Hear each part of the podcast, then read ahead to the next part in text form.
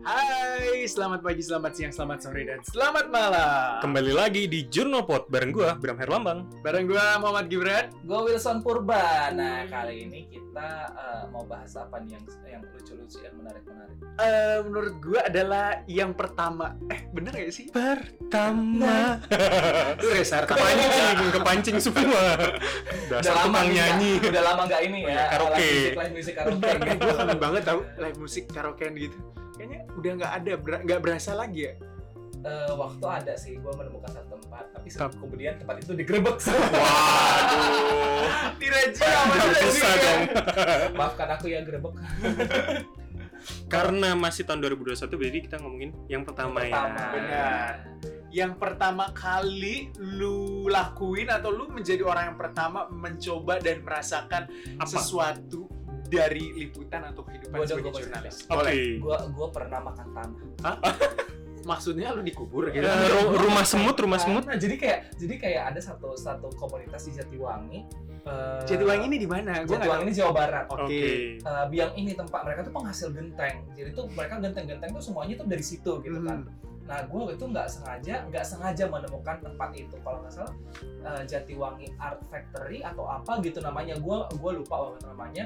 Gue cuma nemuin eh, nemuin itu di tag Instagram jadi tag location. Mhm. jadi gue cek lah terus ternyata kayak kok ini tempat kayaknya menarik dan pas gue datengin ke pas banget gue nemuin komunitasnya. Mereka tuh lagi ngumpul. Terus akhirnya kayak mereka bikin gitar bikin alat musik tuh dari genteng dari pokoknya tanah liat. Pokoknya tuh banyak kayak hal kayak gitu. Sampai ternyata mereka juga bikin makanan bikin kue tuh dari tanah. Rasanya apa? Rasanya rasa tanah.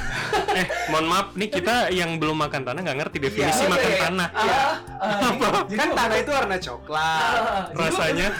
jadi waktu itu kayak mereka tuh beneran bikin kue gitu loh. Jadi kayak pakai tepung apa pakai gula halus gitu gitu pakai mentega untuk lengketin gitu. Jadi kayak dan masaknya itu di matahari lo nggak di oven. Oke. kecuali kalau misalnya kayak mereka bilangnya kalau tapi kalau misalnya mataharinya lagi nggak bagus ya kita oven gitu di oven rasanya tuh kayak pas gua makan ya itu tuh kayak milky milky tanah tuh gimana ya gitu rasanya kayak kalau misalnya pas Eh. habis hujan habis hujan lo di tanah rumput gitu lo cium tuh itu kan agak enak ya Iya. kalau bau ya Heeh. tapi tuh kalau nyampe ke lidah tuh nggak enak tapi baunya tuh kayak gitu Manis nggak?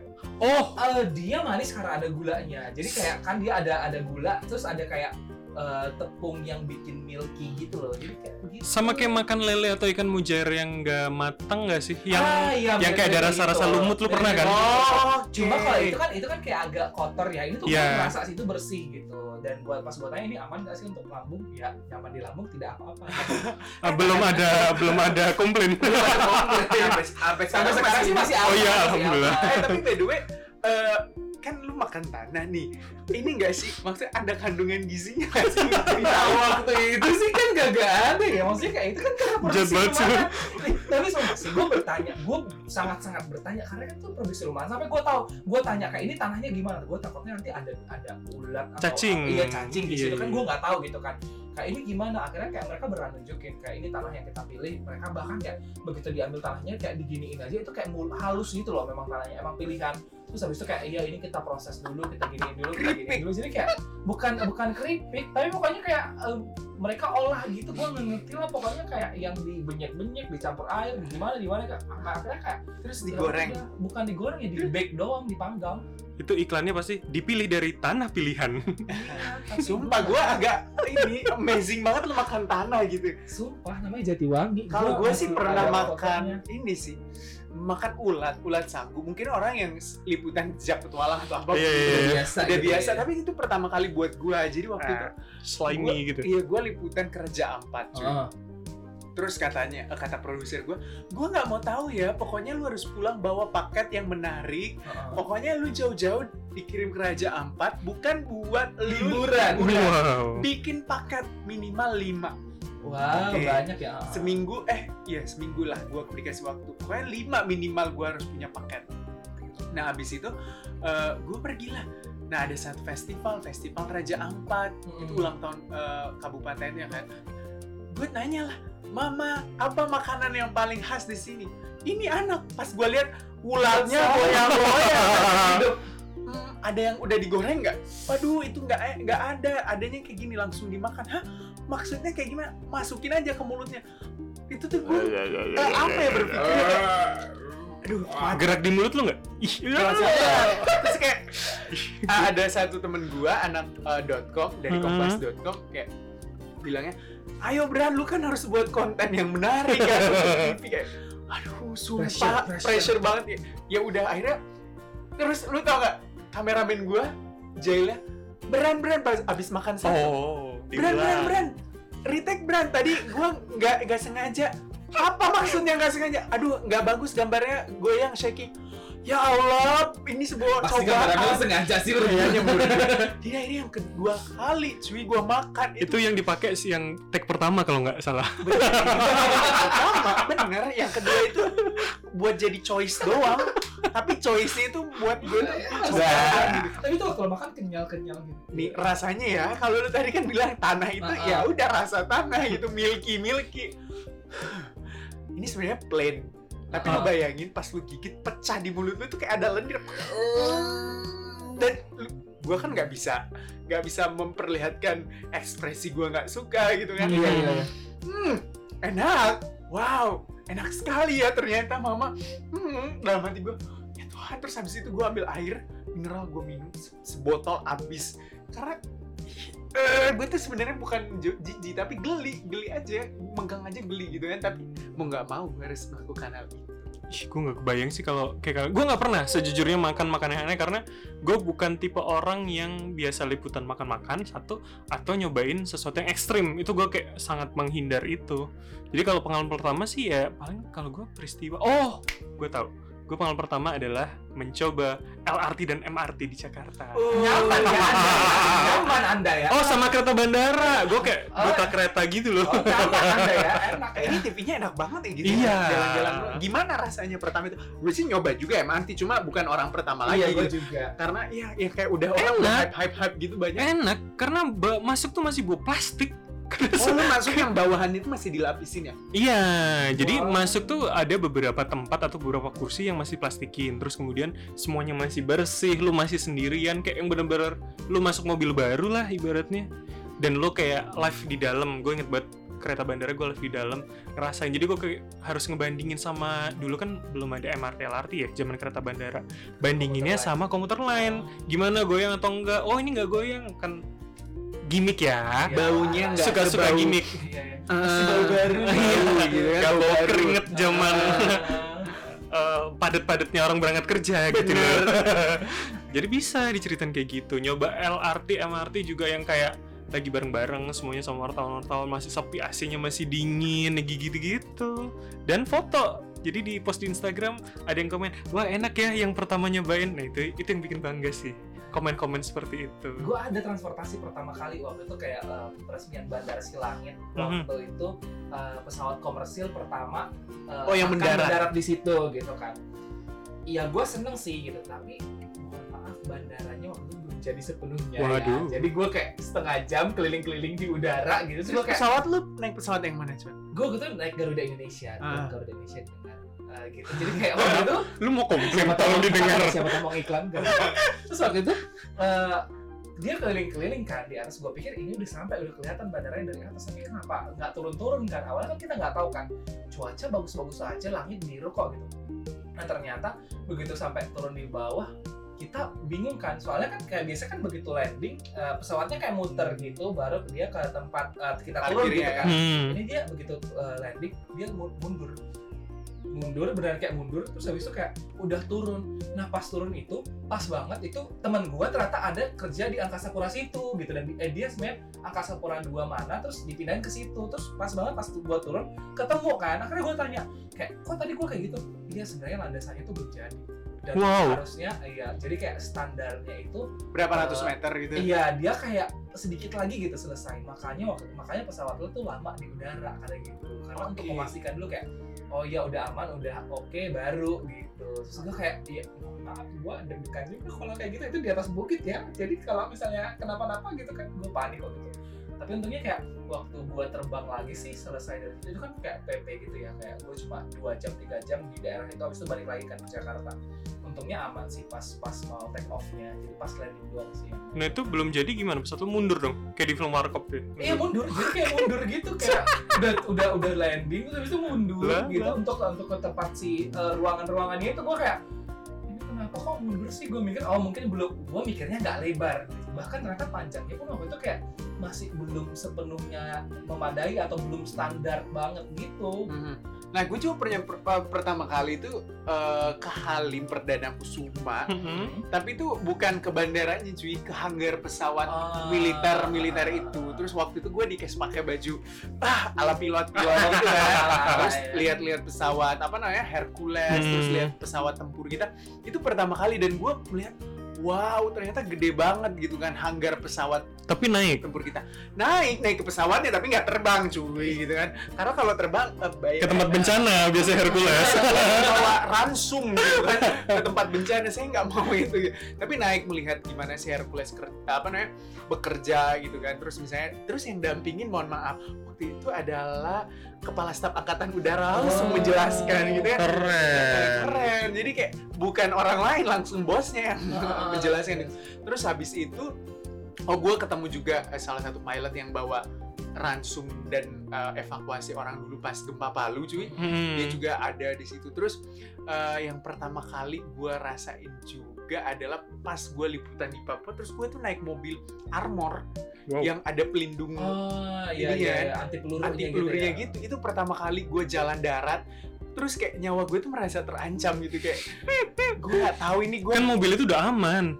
Eh enggak cuy karena jadi ini armornya anggap uh, kalau lu berdiri itu ada beberapa senti dari kepala lu itu masih ya. oh Masih- kayak lubang udaranya gitu iya ya. jadi armornya itu nggak nggak ketutup full gitu terus armornya itu kiri kanan gue nggak tahu sih kalau kaca depannya itu anti peluru atau enggak gue nggak ngerti cuma maksudnya kaca depannya ya udah plong aja gitu Iya, iya. kelihatan ke depan kan terus kayak mobil gede gue sih berpikirnya gila kalau ada orang dari depan ini kayak apa menghadang Iya, terus iya, nembak iya. ya mungkin aja bisa terjadi gitu kan Iya, iya. kotak senjata Kayak di film-film ya, Iya, tapi- peluru. makanya pas gue naik berdiri terus kayak yang di samping gue itu eh, apa namanya humas eh, dari Kodam eh, Papua gitu Bren Bren kan orang Makassar juga ya jangan jangan berdiri lama-lama ah, kenapa coba lihat wah iya bener ada Iya, iya. masih ada celah buat peluru bisa masuk gitu jadi gue duduk diem tiga jam atau dua jam ya itu kalau nggak salah perjalanan.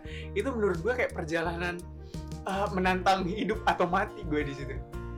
Kalau gue dulu ini sih ini apa pesawat pesawat garam sama pesawat uh, Oh. waterbombing Oh, Yang kebakaran hutan, iya waktu kebakaran hutan 2015 nah waktu itu gue berdua kan sama kempas gue kan itu kan tanda tangan yang kayak ada tanda tangan yang kayak kalau misalnya terjadi sesuatu uh, pihak uh, uh, bisa kayak pihak TNI tidak bertanggung Iya. jawab apa-apa gitu kan dari itu tanda tangan dan sementara gue kayak gimana nih terus habis itu gue tanya sama kempas gue kempas gue nggak berani nggak takut takut takut ketinggian jadi dia nggak naik akhirnya gue sendiri naik gue kayak ngambil Oke. gambarnya. Nah, iya, apa?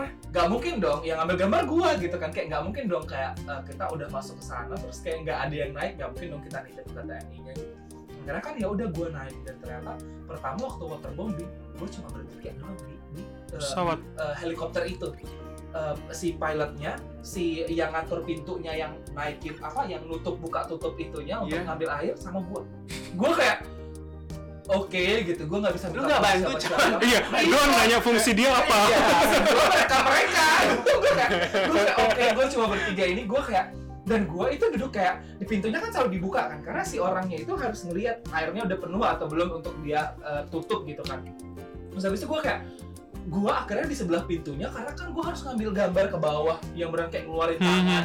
terus gue ngambil gambar di dalam. Waktu di dalam pun gue nggak bisa banyak gerak karena gue harus selalu pakai seat belt karena kan pintu kebuka. Kalau misalnya kenapa-napa Oh iya, kan gue bener. bisa langsung jatuh Iya, gitu kan. iya, iya. yaudah kayak gue ngambil gambar sebisanya terus habis itu oke nanti pas uh, gue ngambil gambar dalam gemeter sih uh, deg-degan aja karena dia goyang banget gitu kan terus habis itu udah gambar, ambil gambar di dalam gue mau ngambil ambil gambar ininya dong pas dia mau ngambil airnya gitu Ah. kan gue keluarin lah tangan gue sama tripod kan gue udah pastiin tuh kamera pokoknya sekencang kencangnya Mhm. gitu gue keluarin tangan gue itu panas banget karena gue kayak di belakang gue kayak gue nggak tahu kayaknya ada sayapnya gitu yang bikin tangan gue tuh panas banget gue kayak wah ini lama banget lagi dia untuk ngambilnya gitu kan. Gue wah itu panas banget. Tapi gue harus gue nggak tahu itu kualitasnya oke atau enggak. Otomatis gue harus berkali-kali dong ngambil itu dan mereka juga bolak-balik bisa sampai 7 sampai 15 kali. Jadi untuk untuk bolak-balik ngambil air itu. Jadi gue kayak ya oke gue ambil. Awalnya kan gue juga disuruh LOT di dalam Hmm. situ. Gue coba lah gue LOT sendiri kan. Untungnya gue dikasih kamera yang kecil kan. Jadi kayak aman lah. Gue ini Lu taruh? Gue ta gue pegangin kamera yang depan satu lagi gue megang mic Oke. pas gue Berdedikasi tinggi dia ya. Oh, luar biasa Itu belum zaman ngevlog padahal. itu pas gue preview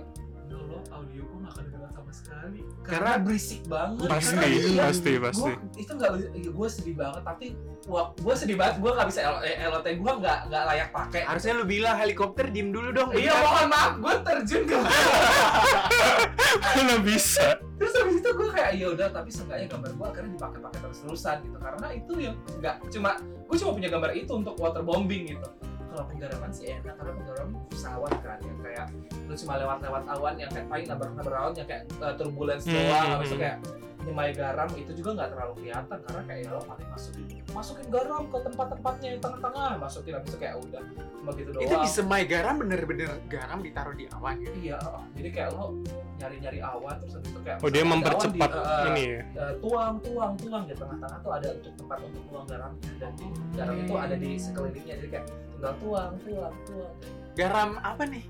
Gue Gua beneran nggak tahu gua itu nggak garam apa. sih tapi kayaknya tuh garamnya Ya tuh diem nggak, ya nggak? enggak sih kayak lu gitu berarti ya negara ini gitu Iya, kan kayaknya garam halus gitu sih soalnya kan mungkin biar gampang terbawa uap air gitu kan Hmm. Oke. Nah ngomong soal itu tuh gue pernah kalau pengalaman pertama ya adalah waktu evakuasi Lion Air yang harus ke perairan Tanjung Karawang. Tapi Oh, dari apa tuh pelabuhan di sini namanya? Tanjung Priok. Itu bener. Jadi kan eh, dulu pasti akan naik eh, kapal kecil gitu sampai nanti nyampe di tengah. nelayan? Oh enggak, Oh, oke. kapal Oh, tentara, oke. maksudnya kapal tentara, ya, tapi yang ukurannya nggak terlalu gede. Gue lupa namanya apa. Nah, jadi itu kita ngeliat langsung kayak misalkan si uh, penyelam-penyelamnya, si uh, apa itu gitu tuh namanya penyelamat penyelamat Evakuasi, eva- evakuatornya lah ya dari. TNI AL, dari Bakamla, dari polisi segala, dari BNPB juga waktu itu baru ngangkut yang kayak kantong-kantong jenazah dan segala macam. Itu kan gambarnya nggak mungkin diambil ya Iya, iya. tapi kayak itu jadi momen gue ngelihat gimana sih potongan badan lah ada yang ih gue merinding.